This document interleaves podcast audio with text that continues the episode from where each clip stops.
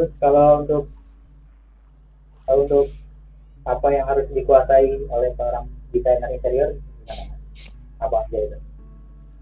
Uh, yang juga dikuasai.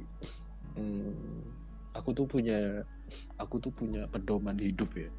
Jadi pedoman hidup itu kayak uh, aku bagi menjadi tiga. Apa pun yang ada di dunia atau apa pun yang aku jalani sekarang itu ada tiga intinya. Ada keras lembek sama cair. Ada premi eh ada mahal medi high end medium low. Ada langit ada daratan ada lautan. Nah aku membagi semua itu tiga sehingga uh, lebih menghaf lebih gampang menghafal di otak sih jadi kalau misalnya kamu tanya sebagai interior designer itu ada ada tiga kembali lagi. Yang pertama adalah mindset pola pikir. Kamu harus benar-benar tahu mindsetmu tuh pola pikirmu tuh harus menjadi desainer yang gimana sih? Kamu tuh melihat kompetisi melihat kompetitor melihat uh, lingkunganmu sekitar kamu melihat dirimu sendiri kamu harus tahu arahnya ke mana terus menjadi desainer yang seperti apa sih? Kamu bisa kerucutkan itu kan kalau nggak salah aku pernah ngobrol ini sama Pak Indarto kalau nggak salah atau Pak Fajar lupa. Ya itu itu. Terus kedua cara komunikasi itu yang paling penting bro. Komunikasi itu wah yang selama ini lemah di desainer.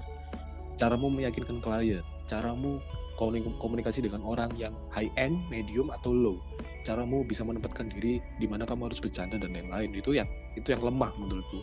Karena aku dari kecil memang sudah terbiasa komunikasi sama orang. Karena aku tuh karena aku kumpul sama teman-teman ini, aku bisa menyesuaikan sama orang itu. Itu yang selama ini desainer kebanyakan even di uh, desainer yang di kelas mana tuh aku lihat kayak kok susah aku cernanya komunikasinya itu gitu-gitu.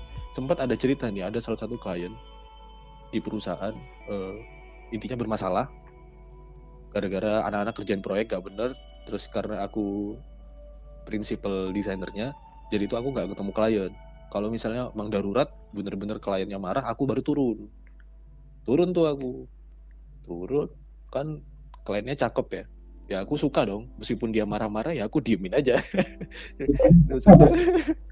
Gitu marah-marah tuh iya ibu saya prinsipalnya ada apa itu iya masih ini bla bla bla. Marah-marah tuh bener. Sampai akhirnya aku komunikasi buat dia nyaman. Melihat dia cara melihat caranya dia mandang aku ataupun aku mandang dia gitu. Itu aku tahu betul cara komunikasi sama orang tuh gimana. Orang kaya marah-marah proyeknya nggak benar dan lain-lain. Aku menenangkan yang kedua ya aku memberikan saran-saran yang A, B, C dan E dan lain-lain sehingga mulai proses pembenaran tuh mulai proses pembenaran sampai bener-bener ibunya tuh appreciate kayak bangga banget makasih Mas Oni. Duh kok nggak dari awal ketemu Mas Oni? Gitu-gitu. Wah lu maaf bu saya udah punya pacar gitu. Ya gitu terus sampai akhirnya proyeknya beres aku sampai dikasih dikasih hadiah. Wah dikasih hadiah jam tangan mahal gitu gitu wah itu gila nih gitu nah maksudku adalah bukan bukan itu ya nilai itu hanya sekedar cita uh, komunikasi itu sangat penting bro. Mulai latih dari sekarang. Kamu mau ngobrol sama tukang beca pedagang gitu kamu melatih dirimu sendiri komunikasi itu yang selama ini lemah orang-orang. Ya aku merasa masih melatih komunikasi sih dengan orang yang kaya dan lain itu aku masih belajar cara ngobrol gimana sih gitu. Yang ketiga skill. Skill. Kamu bisa apa? Kalau aku dari aku besar bersama aku dua bersaudara sama abangku. Aku besar di bidang seni. Aku dari SD aku ikut lomba patung relief terus melukis. Melukis banyak dari dari abstrak dan lain-lain itu. Ini bukan bukan sombong atau gimana ya enggak. Aku tuh juara terus.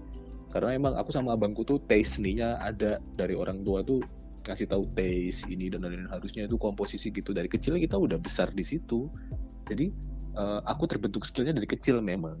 Sehingga di pas waktu zaman kuliah itu tinggal diasah kembali dari pola pikirnya.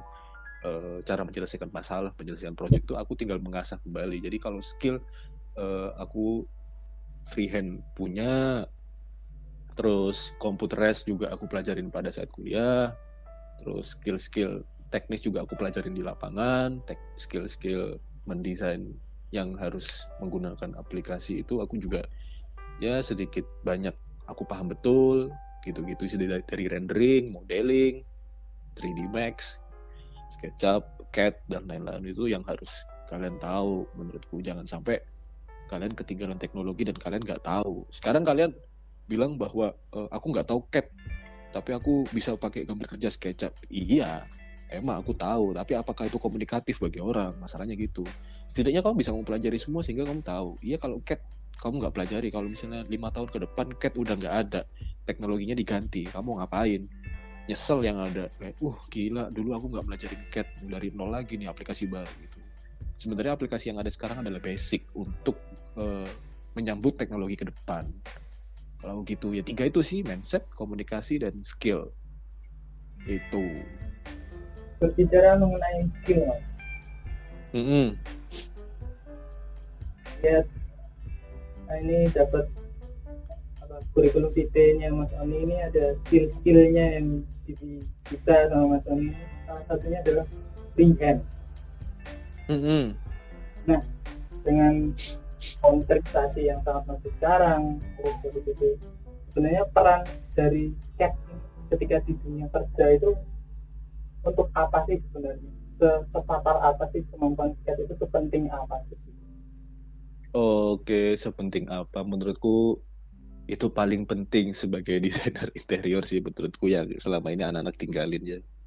Mereka terlena dengan teknologi sehingga mereka melupakan ibunya siapa gitu kan sebenarnya skate itu menurutku penting apalagi uh, kalian aku percaya sih ketika kalian mau belajar kalian gak akan selamanya menjadi desainer yang di depan komputer terus gitu. Even aku pernah berpikir seperti itu aku sekarang di sini aku udah nggak di komputer dan aku jadi prinsipal yang menggunakan skate skate di kertas. Kok ini nanti begini ini nanti begini ini chandelier-nya merek ini ini keramiknya merek ini aku semua ini tapi uh, ini ya uh, monokrom ya nggak diwarnain cuma skate aja coba aku tarik tarik itu menurutku penting untuk untuk briefing ke uh, desainer lain ataupun briefing ke 3D artis. Itu sangat-sangat penting menurutku. Itu di konsultannya kalau kedua ketika memang gambar kerja tidak komunikatif di lapangan aku skate di lapangan bro. Kayak contoh uh, gambar tangga terus pembagian uh, list profil panel pembagian uh, lemari built-in, pembagian dan lain-lain. Ketika gambar kerja tidak komunikatif dan harus direvisi, gak mungkin dong kita nunggu revisinya terus revisinya lama gitu ya. Alhasil ya aku harus sket sehingga itu mempercepat waktu.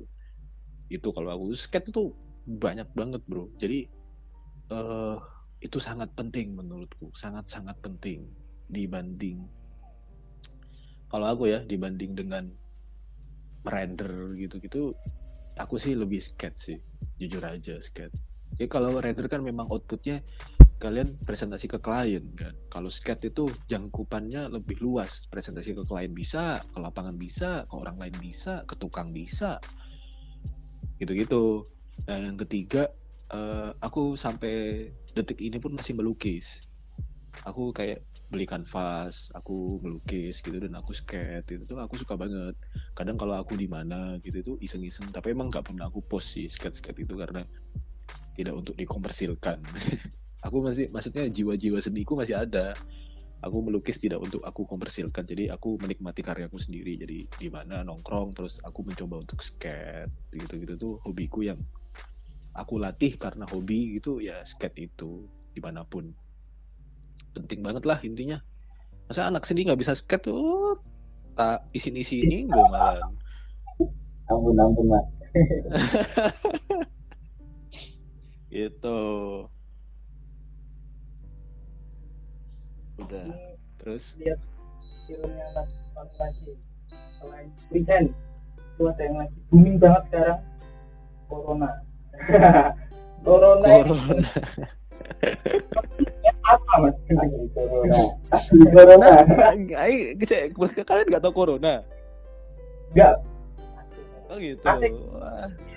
jangan jangan sampai ketinggalan zaman lah intinya maksudnya. Teknologi kan berkembang terus ya ah gimana sih Itu Corona itu adalah engine rendering, engine. Jadi Corona itu bukan aplikasi like uh, 3D Max uh, atau SketchUp itu bukan. Jadi Corona itu sama kayak V-Ray sih, engine yang sama dengan V-Ray cuman beda banget sama V-Ray gitu. Tapi dia pluginnya di 3D Max. Gitu. Karena kita uh, aku sama bos uh, di perusahaan ini tuh sepakat untuk selalu mengejar teknologi supaya kita tidak pernah ketinggalan zaman intinya. Apa pun dari animasi. Oke, sekarang Lumion Lumion udah orang pakai gitu. Kita mau yang lebih di depan. Contohnya kayak uh, Unreal Engine kalau kamu tahu. Tahu nggak Unreal Engine? Gak tahu ya? Belum. Ah, opo kuliah ngapain aja kalian itu? Jadi uh, jadi kalau udah apa ya ada internet dan lainnya nih itu leluasa untuk mencari tahu updatean teknologi yang berkoneksi koneksi dengan desain itu aku cari tahu pasti apa sih ini? Apa sih ini? Gitu gitu cari tahu intinya. Jadi uh, selalu update lah. Kalau kalian tanya corona ya corona itu adalah render engine. Dan dan sekarang aku udah tidak mendalami dunia rendering jadi rendering udah orang lain. Even kalau misalnya aku ada proyek sendiri pun kadang aku lempar ke orang lain buat rendering gitu. Karena aku harus konsep brainstorming nge-breakdown dari historinya gitu gitu jadi kalau rendering aku lempar ke orang lain. Kalau kalian tahu Corona Corona ada aplikasi baru. Aplikasi rendering baru yang menurutku lebih oke okay dari V-Ray. Dia lebih oke okay, lebih mudah. V-Ray itu sebenarnya uh, bisa oke okay, cuman kalian harus benar-benar mateng di beberapa toolsnya. Itu dan kalau rendering sendiri kalau tastemu buruk hasil rendernya juga buruk. Gitu. Kamu harus tahu tastemu. Kamu harus tahu cara pengambilan gambar fotografis selama ini itu fotografer gimana. Terus caranya dia ngasih cahaya dan lain-lain. Ketika kamu nggak tahu itu ya renderingmu bakal buruk asli deh. Itu tipsnya gimana biar renderingnya bisa bagus. Renderingnya bisa bagus. Tipsnya apa ya? Kamu kan kenapa? Tips and trick supaya renderingnya bagus portofolionya sama yang hmm. tips and trick sih kalau dari aku sih uh, salah satu contohnya nih kamu bisa lihat Pinterest. Kamu bisa lihat Pinterest. Nggak usah nggak usah lihat kalau kamu mau rendering yang bagus jangan melihat hasil karya rendering orang. Tapi kamu lihat coba hasil foto asli di Pinterest. Ya kamu browsing aja living room ataupun hotel uh, ataupun resort gitu-gitu tuh kamu browsing aja hasil fotonya. Dari situ tuh kamu bisa mencerna.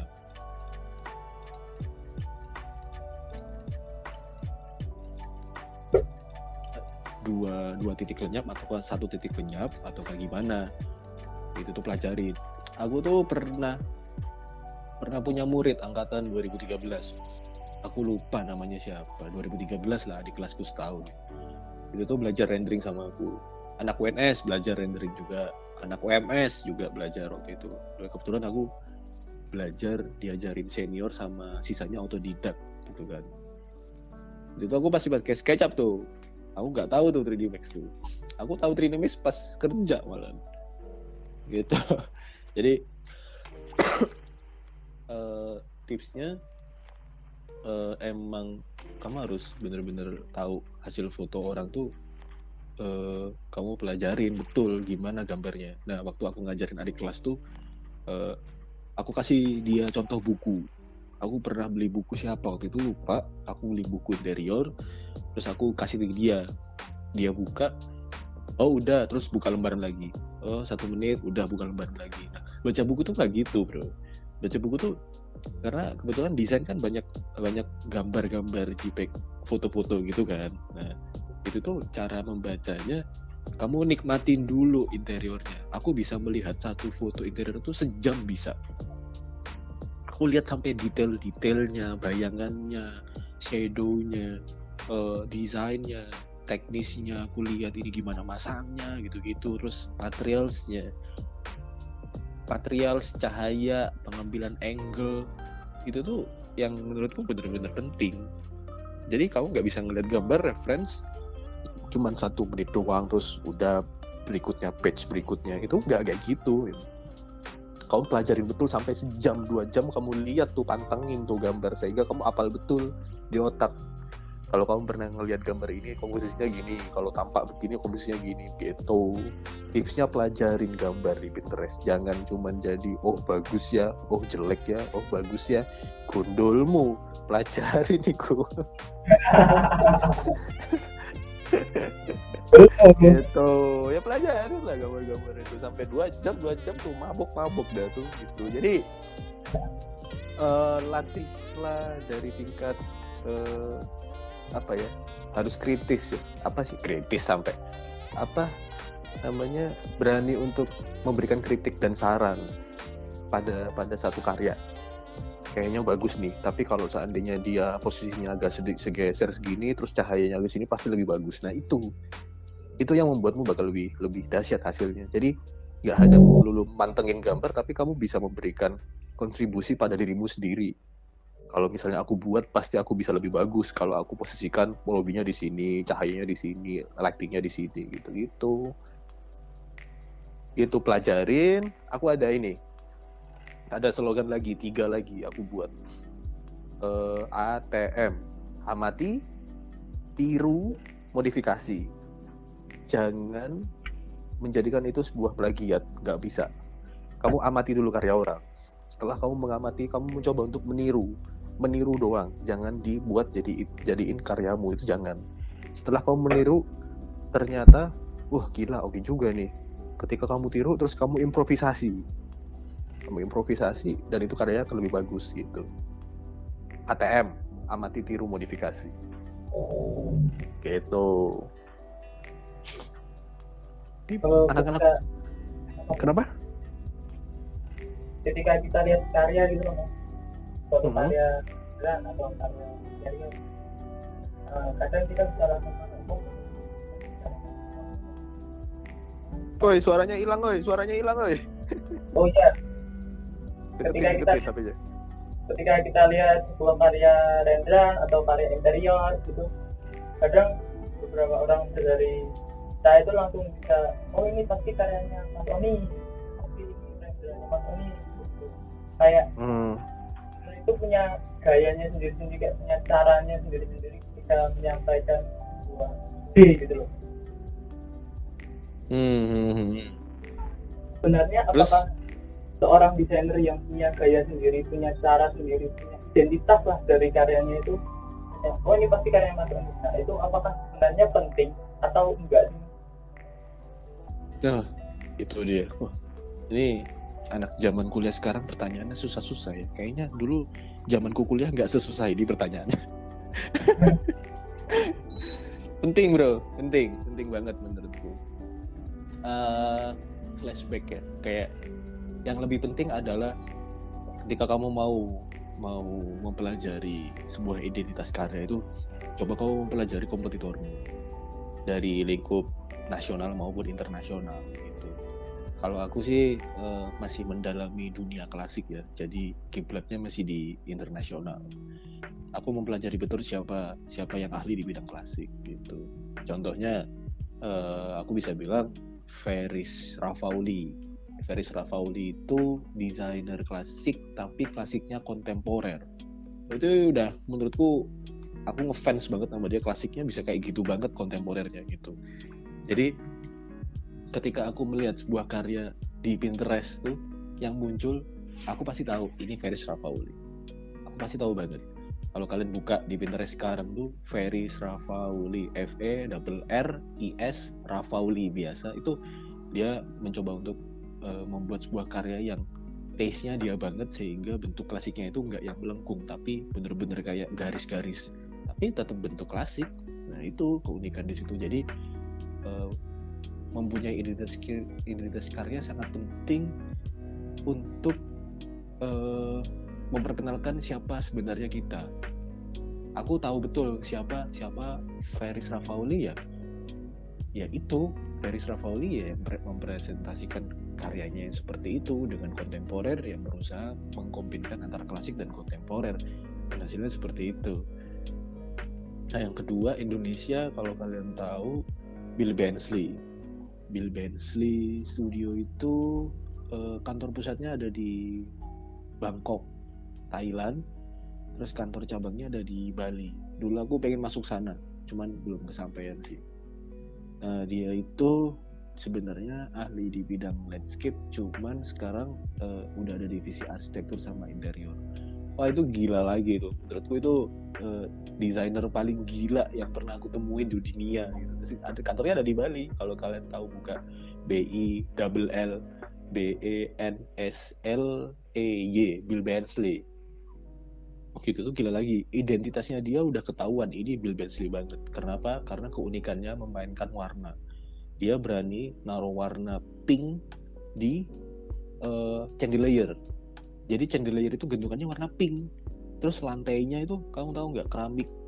Keramik hitam putih disusun horizontal panjang-panjang gitu. Pokoknya udah unik banget lah interiornya. Jadi kalau pas ke sana tuh wah gila ini orang. Gitu. Jadi emang uh, keunikannya dia adalah motonya satu uh, semakin aneh semakin baik menurut dia gitu. Jadi tiba-tiba uh, di hotel tuh aku lupa hotel apa namanya di luar negeri kalau nggak salah. Itu tuh ada hotel terus dia lemari lemari pakaian itu digantung sama dia di plafon terus dijadiin lampu. Bayangin lemari pakaian kan gede banget ya. Itu digantung sama dia orang gila emang dia. Tapi menurutku ya uh, so far nih ya looks good. Maksudnya anjir nih desainer gila. Ini nggak sampai otakku ke sana. Itu bisa-bisa ya coba. Terus uh, karung-karung dijadiin apa gitu. Jadi menurutku ya tetap looksnya mahal. Dan emang dia ahli di hospitality hotel resort villa gitu. Tuh dia ahli banget landscape-nya luar biasa. Itu nah aku kalau bilang keunikannya dia Bill Bensil adalah identitas Bill Bensil adalah semakin unik semakin baik menurut dia gitu. Dan yang ketiga mungkin kalian udah tahu lah ya Zahadid ya yang udah meninggal tuh. Zahadid lihat deh identitas karyanya ketika aku melihat sebuah karya arsitektur yang belengkung-belengkung dan garisnya luar biasa aneh strukturnya miring-miring ya pak aku udah lihat Zahadid nih Zahadid nih gitu. Itu kelihatan identitas karya.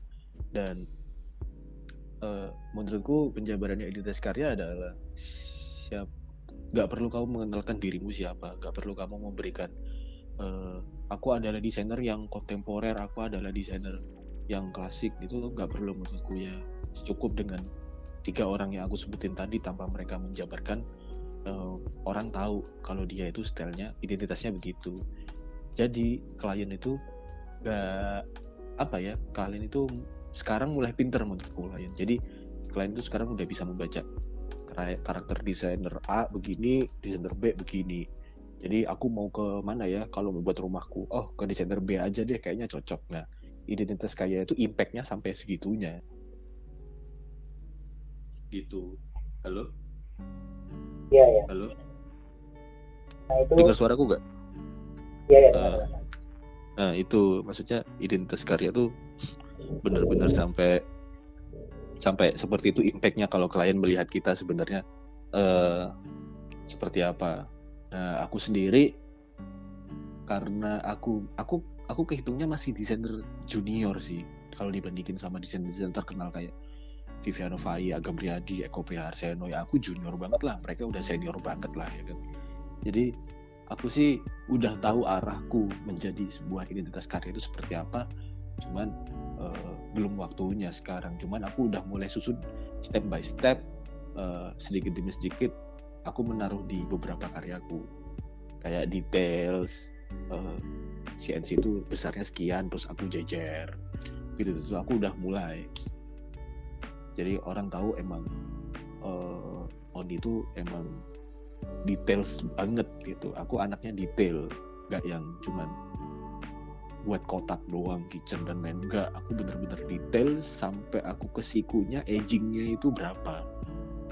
Gitu-gitu. Tingkat melengkung itu berapa derajat. Itu aku pikirin betul. Gitu bro. Oh itu kan tadi cara identitas menunjukkan identitas nah, di interior kan ini kan banyak kayak tadi mas ini kan lebih ke detail atau bentuk atau gimana sekarang di desain interior juga ada kayak kali mebel atau konstruksi atau finishing, lighting dan lain-lain. Nah, cara biar kita tahu cocoknya itu kita ke mana itu kayak gimana mas? Ini ada pertanyaan dari Caca.ai. Cocoknya itu gimana cara cara tahunya? Hmm. Ini by the way ada pertanyaan dari Ed ini kayak misal kayak ini kayak radio ya. Oke, podcast mas. Saya mira. Oh iya podcast podcast sorry sorry. uh, aku sih uh, lebih ke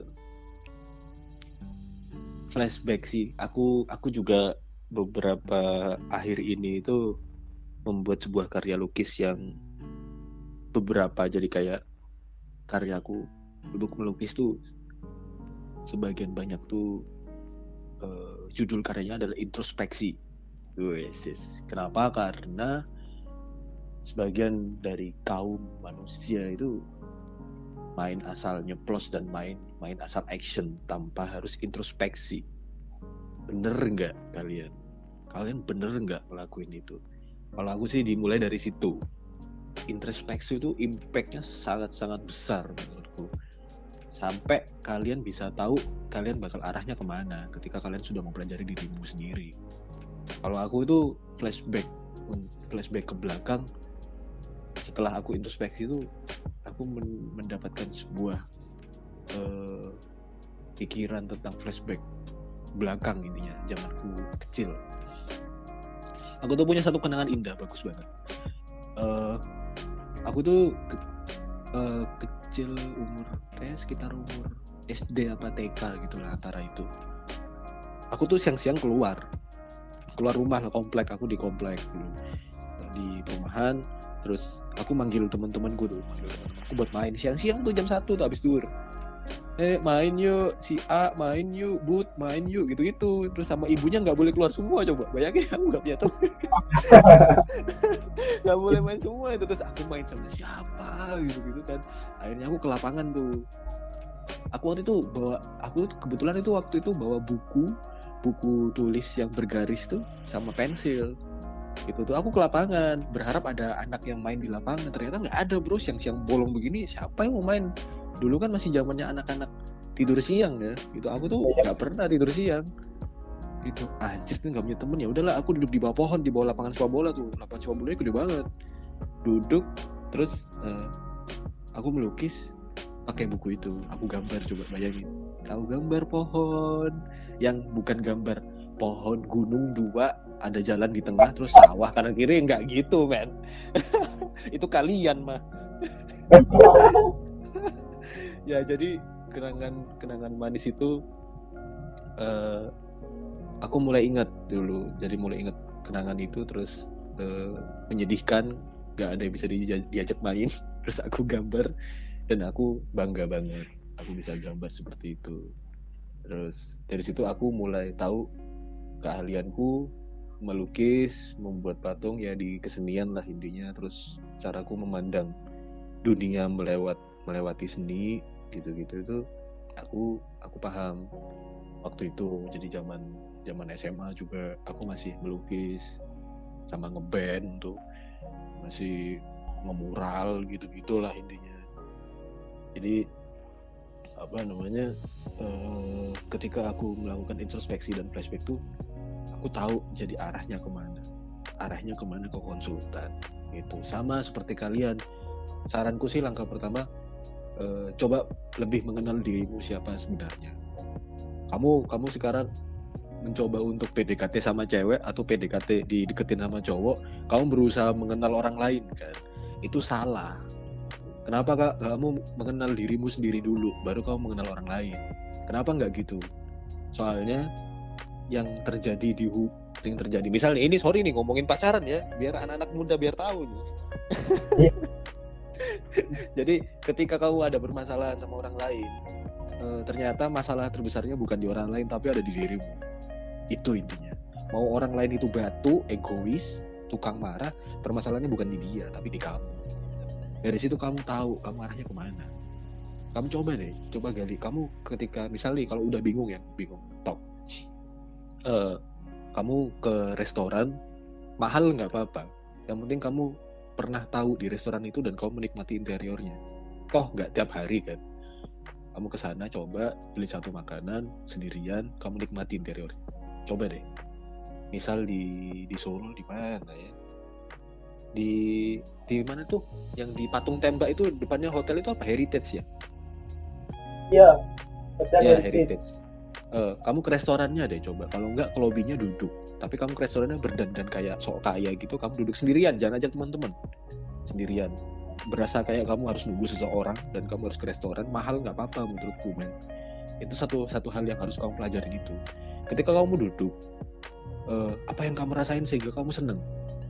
Itu arahnya. Apakah lampunya? Apakah interiornya? Apakah furniturnya apakah interaksi orangnya? Ataukah apa? Ketika kamu ke restoran kamu duduk kamu suka apa kamu suka furniturnya lightingnya interiornya cara penyajian orang yang kasih ke kamu servernya itu atau menunya atau gimana? Dari situ kamu tahu gila nih gue suka banget nih sama yang lantainya. Cara masangnya gimana ya? Nah pertanyaan-pertanyaan seperti itu yang bisa membuat dirimu akan ke depannya seperti apa. Ah, kalau ada temanku yang temen aku pernah ngajak ke restoran di Jakarta sama temanku. Aku ajak terus dia kalau aku menikmati aku selalu menikmati musiknya. Aku aku coba memejamkan mata di restoran tuh eh, vibes-nya dapet nggak? Yang mau disampaikan tuh dapet nggak? Terus jiwa jiwaku tuh diarahin ke mana di interior itu? Nah aku mempelajarinya sedalam seperti pola pikir seniman kayak biasanya gitu kan. Nah eh, kalau temanku nggak dia pasti dia tanya itu teknis masang chandelier gimana ya? Terus ME kabelnya ke mana arahnya ya? Terus lantai masangnya gimana ya? Gila nih mebel konstruksinya gimana nah dari situ aku tahu nih anak teknis banget. Gitu bro arahnya. Jadi gimana ya penasaran penasaran itu sehingga membuat dia kayak dari nggak tahu sebenarnya itu passionnya dia. Meskipun dia nggak tahu itu passionnya dia teknis. Wah gila. Berarti eh, aku bilang sama dia kamu anak teknis banget. Iya kayaknya. Terus dia mencoba sekarang tuh mempelajari teknis dan akhirnya emang passionnya dia di situ. Jadi ke build gitu-gitu. Terus ada yang contoh lighting. Eh kita coba ke restoran terus eh misal kalau emang kamu passion di lighting kamu mencoba untuk lihat cahayanya ambience-nya eh komposisi warna lampunya, Kelvinnya dan lain-lain. Ketika lampunya kamu bayangin coba, kamu merem. Aku biasanya sering banget merem sih, merem. eh, kamu di Heritage Hotel di lobinya, kamu lihat terus kamu merem. Coba bayangin kalau misalnya lampu kita matikan, bagus gak interiornya? Ternyata kamu cuman wah ternyata jelek. Terus kalau misalnya dihidupin hasilnya begini, ternyata lightingnya bisa aku tambahin lagi, tapi nggak much, nggak lebay, bla bla bla. Cahayanya pasti lebih bagus, lebih keren, lebih looks eh, mahal lah intinya. Gitu-gitu. Cara mengenal dirimu itu dari situ. Kamu kamu ke ya wajar ya menurutku di umur umur kalian tuh eh, ini apa sih namanya life quarter life crisis kalau kalau kalian tahu ya jadi quarter life crisis itu kalian banyak pasti ngalamin dengan kalian ini aku kasih tahu nih dari sekarang quarter life crisis itu kamu stuck kamu tiba-tiba berdiri diam kamu nggak tahu ke mana arahnya. Kamu bingung kamu lupain semua masa depanmu kamu diem terus kamu cuma bisa kalau nggak sedih nangis. Banyak banget teman-temanku yang ngalamin itu. Aku pun pernah. Sampai aku eh cut cut itu di Jakarta. Itu aku bener-bener wah gila parah banget itu. Jadi aku blank. Selama ini yang aku susun dari kecil sampai aku udah di Jakarta itu aku blank. Gara-gara quarter life crisis aku ke Bali cuti seminggu. Aku bilang sama bosnya aku mau ke Bali seminggu. Itu aku matiin HP aku nggak nggak komunikasi sama siapa pun. Terus abangku kan ada di Bali. Aku pinjam motor abangku. Aku naik motor tanpa menggunakan HP keliling Bali. Keliling Bali. Aku interaksi sama pedagang ini dan lain-lain gitu-gitu. Sehingga aku mencari tahu siapa diriku sebenarnya. Aku dari situ. Wah gila men. Kayak orang gila ya itu kalian akan merasakan hal itu sama seperti kalian harus ke mana sih sebenarnya desainer ya? Mulai mempelajari diri kalian dengan cara apa pun. Kalau aku emang kebentuk dari kecil begitu terus aku mengalami quarter life crisis itu bingung. Ternyata uh, aku harus bener-bener uh, sendiri dulu healing sendiri dulu tanpa interaksi matiin semua HP terus aku di Bali selama seminggu. Dari hostel ke hostel hidup kayak bener-bener sendirian apa yang aku rasain sih aku butuh orang lain nggak? Ternyata ternyata aku butuh. Gitu-gitu. Jadi mulailah mengenal dirimu dengan cara apa pun. Dari situ kamu tahu kamu arahnya gimana. Gitu. Oke, tepuk tangan dong.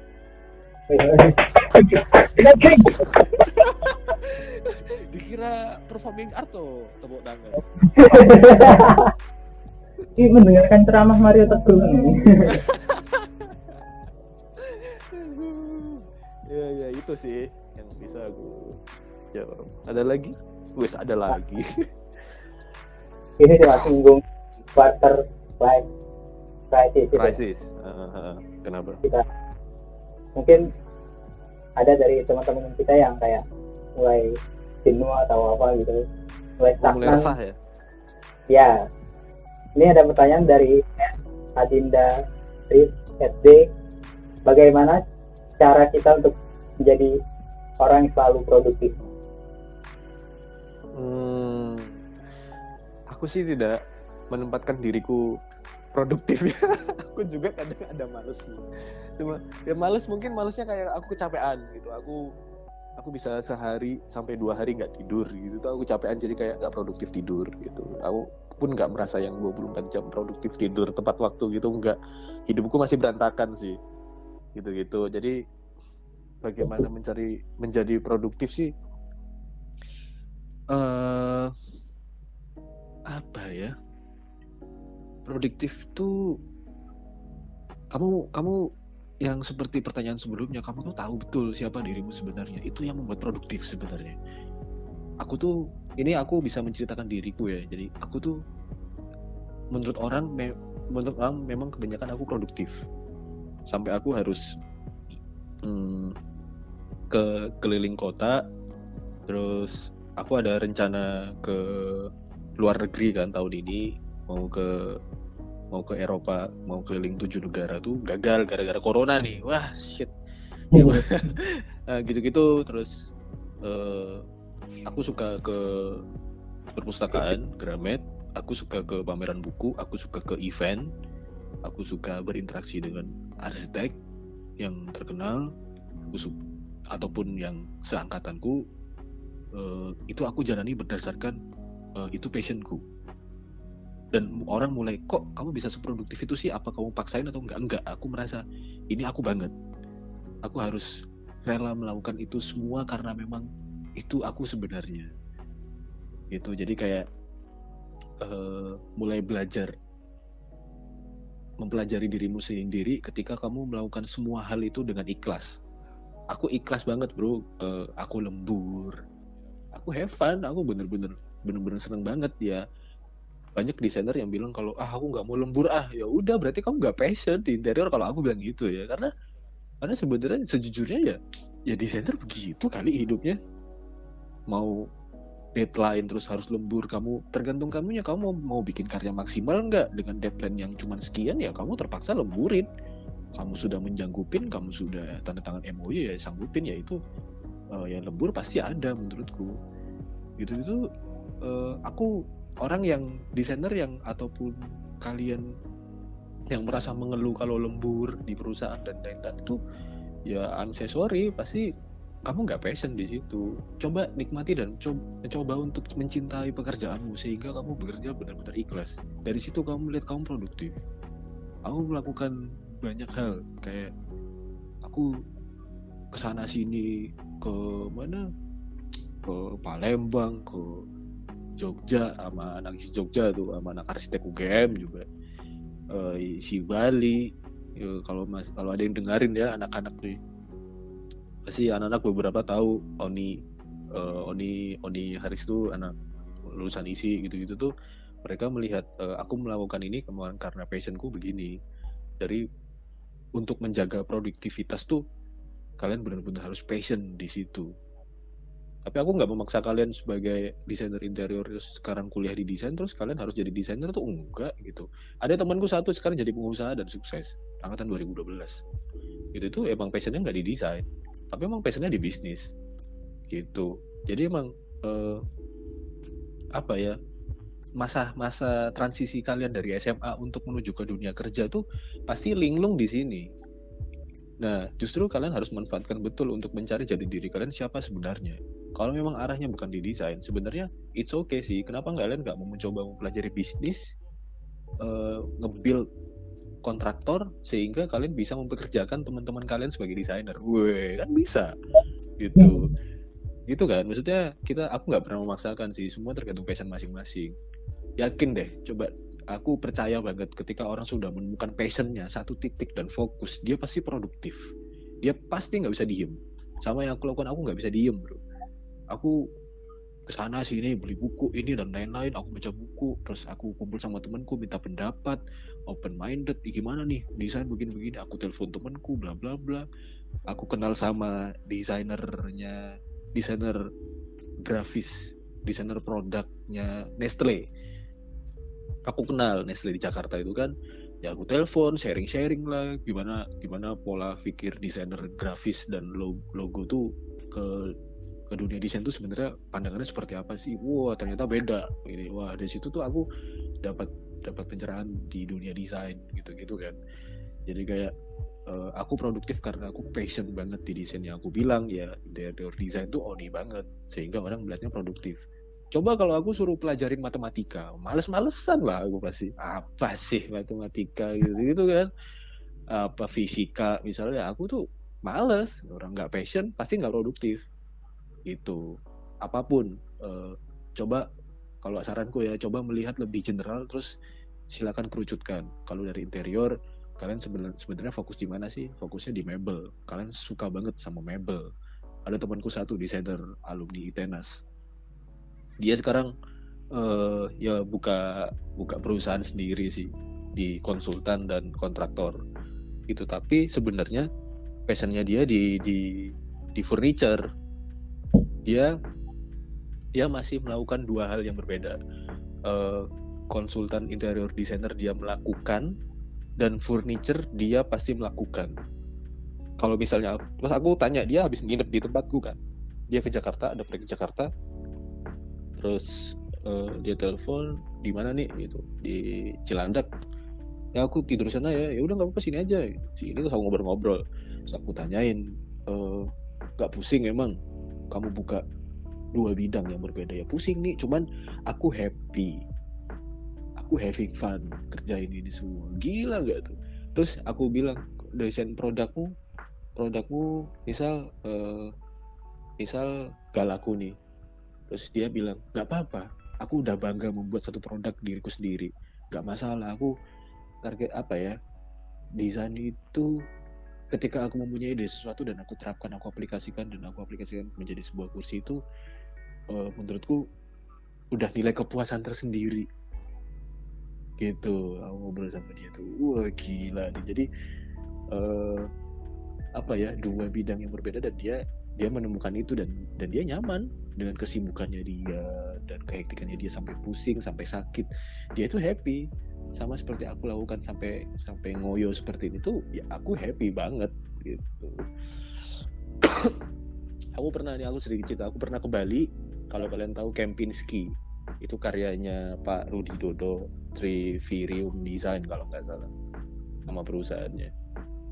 Itu aku rela rela ke Bali cuman pengen lihat karyanya dia aku ke hotelnya emang uh, aku nggak bisa nginep di sana karena mahal banget bro. Bisa sampai kayak minimal semalam 10 juta deh. Aku gak kuat lah buset. Aku ke restorannya doang. Aku ke restorannya doang uh, sama ke kafenya di bawah itu terus sama ke lobbynya itu tuh uh, ini sedikit cerita ya. Maksudnya aku melihat gila itu desainnya gila banget. Rudi Dodo pernah jadi pengisi di isi kan kalau nggak salah Iya pernah. Kemarin. Iya pernah ya. Nah tuh, iya Pak Rudi Dodo tuh. Aku pernah ketemu juga, cuman nggak nggak ngobrol, cuman ketemu doang. Oh itu Pak Rudi Dodo. Itu ada event, kebetulan event arsitektur di mana? Di Jakarta terus aku datang kan terus ada dia wah ada Pak Rudi Dodo nih gitu gitu terus wah gila kalian kalian kalau udah pernah ke sana itu gila emang itu karyanya itu vibesnya dapet Eh, aku ke sana emang terbawa dengan suasana desainnya. Dia wah itu gila banget sih. Aku sampai ternganga-nganga itu. Wah ini orang hebat.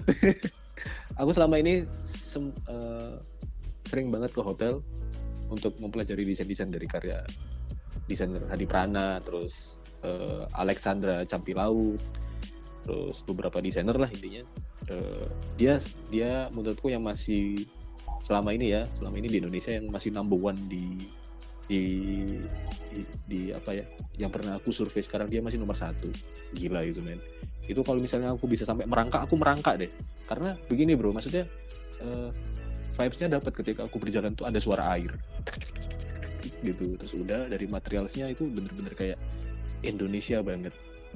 Itu itu nilai keunggulannya. Terus ornamen-ornamennya sampai menjulang tinggi kayak gitu dan dan dibiarin gak di finishing tuh yang menurutku Indonesia adalah natural. Yang kalian lihat Indonesia masyarakatnya yang kalian lihat eh, kenaturalannya Indonesia ya ya itu gitu. Wah itu kena banget sih asli gitu. Terus penyambutannya pegawainya itu selamat siang bapak. Itu oh iya saya mau ke restorannya ada di mana ya? Oh, ke sini bapak. Gitu gitu gitu tuh yang wah oke banget nih aku dibawa. Sengaja sirkulasinya diginiin gitu itu aku suka banget gitu. Jadi eh, stop untuk eh, membuang waktumu. Kamu boleh main-main kamu boleh boleh melakukan hal yang sekiranya eh, kamu pengen have fun dulu lah bentar doang lah gitu. Cuman satu ingat eh, desainer semakin banyak yang tumbuh. Kamu harus siap ketika kamu udah lulus pesaingmu banyak. Even aku pun ngomong sama kalian seperti ini Eh, kalian setelah kalian lulus kalian akan berkompetisi dengan aku. Kalian akan bersaing sama aku dan aku nggak pernah aku nggak pernah meremehkan fresh graduate. Aku nggak pernah. Karena banyak yang fresh graduate lulus langsung terkenal dengan karyanya. Banyak banget. Aku nggak pernah meremehkan satu pun dari kalian. Karena menurutku eh, ini istilahnya kayak aku harus bener-bener bisa bersaing dari semua desainer yang akan terus tumbuh. Bayangin sekarang angkatan kalian udah ada berapa orang? Next ada berapa orang? Next lagi berapa orang? Kalian nggak pernah tahu uh, adik kelasmu yang sekarang masih SMP dan dia akan masuk ke isi dia lulus dia akan menjadi pesaing paling beratmu. Kamu nggak pernah tahu. Makanya kalau bisa isi ditutup aja biar pesaingnya nggak nambah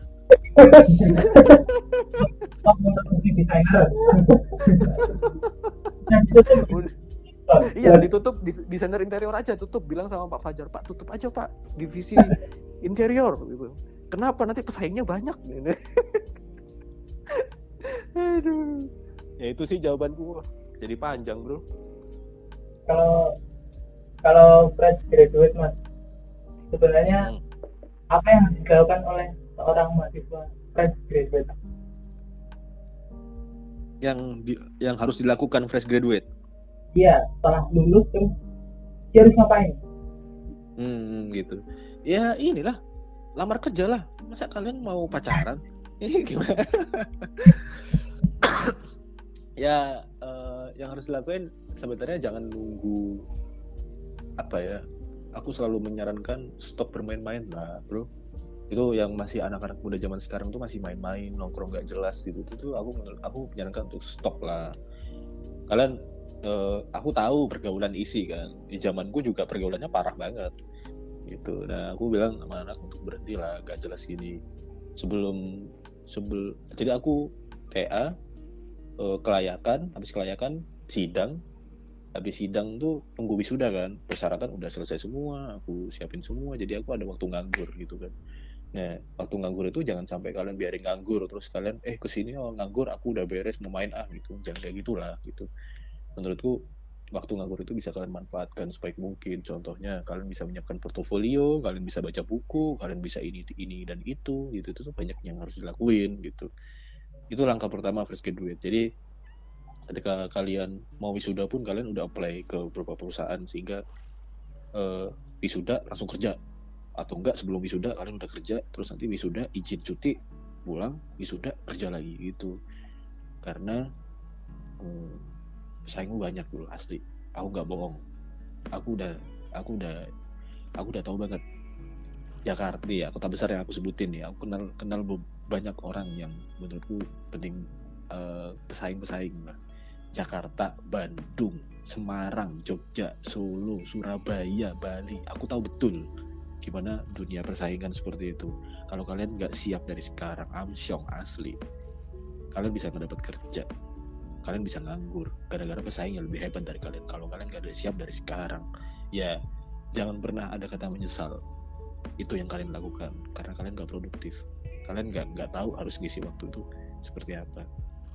Gitu. Itu yang aku kasih tahu nih. Jadi aku berharap uh, kalian benar-benar harus tahu pesaing kalian di luar sana tuh kampus-kampus lain yang itu yang men harus menjadi pesaing kalian dan kalian harus bertahan hidup dari situ. Gimana caranya kalian berkompetisi? Kalian bukan PNS kalian bukan pegawai bank kalian bukan uh, sam apa ya bukan aku ngejek tentang PNS atau pegawai enggak karena bidangnya beda. Kalian di bidang di bidang kompetisi kalian dulu duluan. Siapa yang siapa yang benar-benar lebih unggul daripada orang lain? Kalian ada di dunia situ sekarang. Kalau kalian main-main ya sudah hasilnya akan main-main. Gitu. Ya aku nggak pernah memaksakan. Cuman itu saranku dan aku aku pernah ngalamin itu dan aku pernah iya ya menyesal. Kenapa nggak kuliah aku lebih produktif? Kenapa nggak ini? Gitu, gitu. Tuh aku menyesal. Iya ya wah gila aku aku harus dari sekarang gitu. Terus yang paling krusial sih eh, aku nggak tahu aku nggak tahu ya dari dari kalian sendiri. Itu kadang kalian eh, banyak banget yang minta uh, aku desainer interior terus karyaku bagus aku meminta gaji lebih gitu. Janganlah. Kalau aku ya kalau aku bukan aku di di pihak bisnis bisnismen gitu atau bisnis woman gitu. Enggak. Maksudku adalah ketika kalian bisa menempatkan diri yang tadi aku bilang introspeksi kalian tidak melihat dari gajinya tapi kalian melihat dari tantangannya. Tantangannya sebesar apa sih? Karena rubahlah prinsip. Kalau aku kalau aku sendiri tapi aku uh, harus di orang lain ya. Kalau aku sendiri uh, aku sementara bukan uang sih kalau aku aku bertahan hidup aja udah cukup alhamdulillah. Kalau aku dari gitu jadi nilainya bukan uang. Tapi apa yang aku bisa kasih di diriku sendiri tentang karyaku sehingga orang paham betul aku seperti apa dengan begitu next plan uh, uang yang cari aku.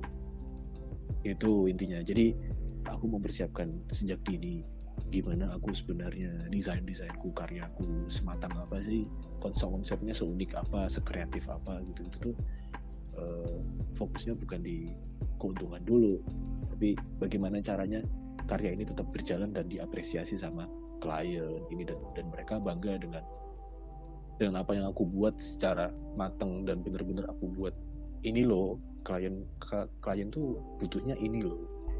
Jadi bukan nilainya ya yang akan dikasih sama dia ke aku tuh bukan itu.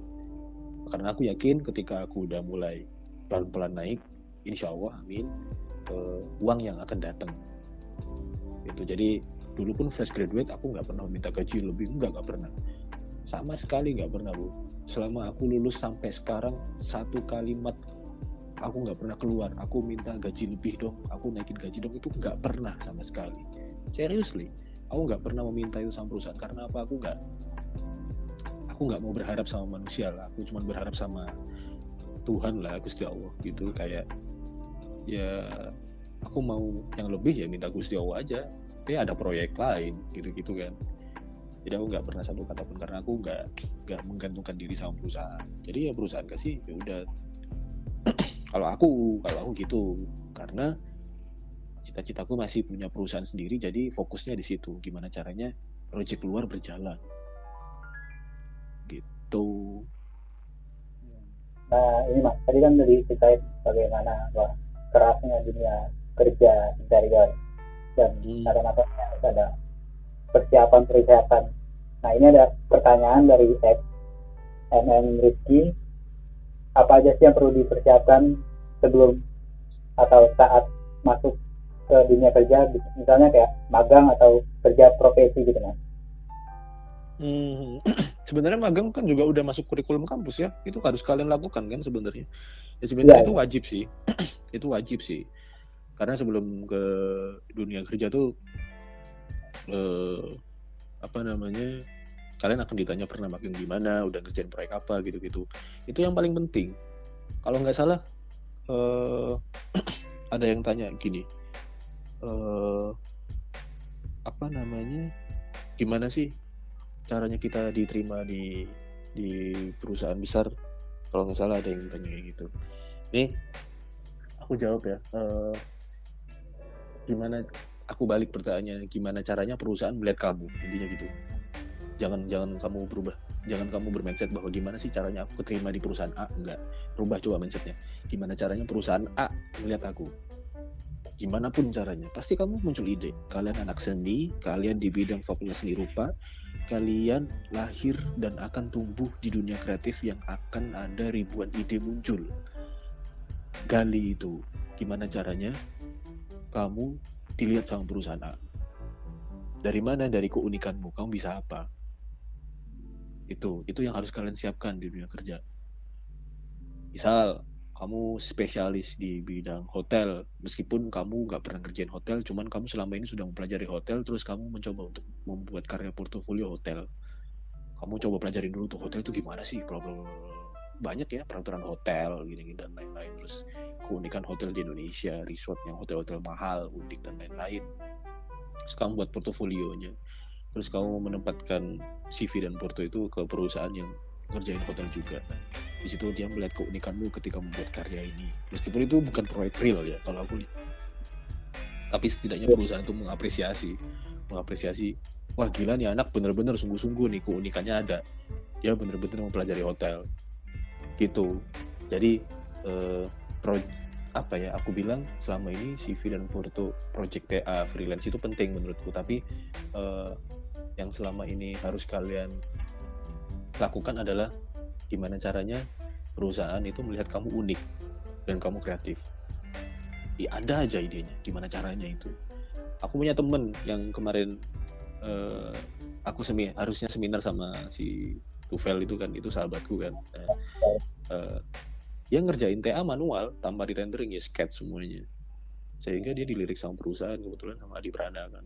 Udah sama Adi Prana dia masuk. Adi Prana kalian tahu kan pasti perusahaan ya di zamannya perusahaan interior tertua lah di Indonesia. Maksudnya emang eh, interior di Indonesia yang sesepuhnya Hadi Prana memang. Ya, senior banget itu Hadi Prana kan memang. Ya dia di sana dulu. Jadi perusahaan ini memang melihat eh, keunikannya di sketnya yang luar biasa bagusnya. Terus melihat eh, kemampuannya dia dan lain-lain. Nah itu yang harus kalian tunjukkan.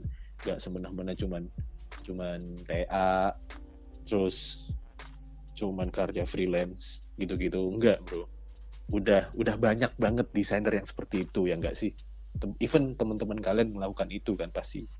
Coba bikin satu karya yang sekiranya belum pernah dibikin sama anak-anak lain. Apa pun deh. Kalian nggak usah real juga proyeknya nggak apa-apa.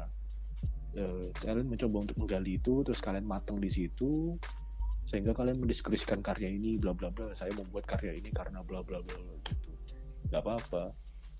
Toh magang juga eh, apa ada sih beberapa perusahaan yang proyeknya memang dipakai untuk tergantung perusahaannya sih. Kebetulan waktu itu aku magang di Surabaya perusahaan gede. Itu itu proyekku nggak dipakai bro. Aku cuma disuruh melatih desain doang. Ah nggak dipakai kecewa gitu gitu kan. Eh, jadi eh, emang eh, tempatku magang waktu itu tuh proyeknya nggak proyeknya beneran ada cuman nggak direalisasikan. Gitu. Jadi tapi di situ positifnya adalah manfaatnya banyak. Ketika aku eh, mengerjakan proyek yang nggak direalisasikan tuh aku mempunyai satu karya yang sekiranya masterpiece untuk aku ajukan ke perusahaan ke dunia kerja gitu. Jadi mulai siapkan dari membuat karyamu dulu sih. Gitu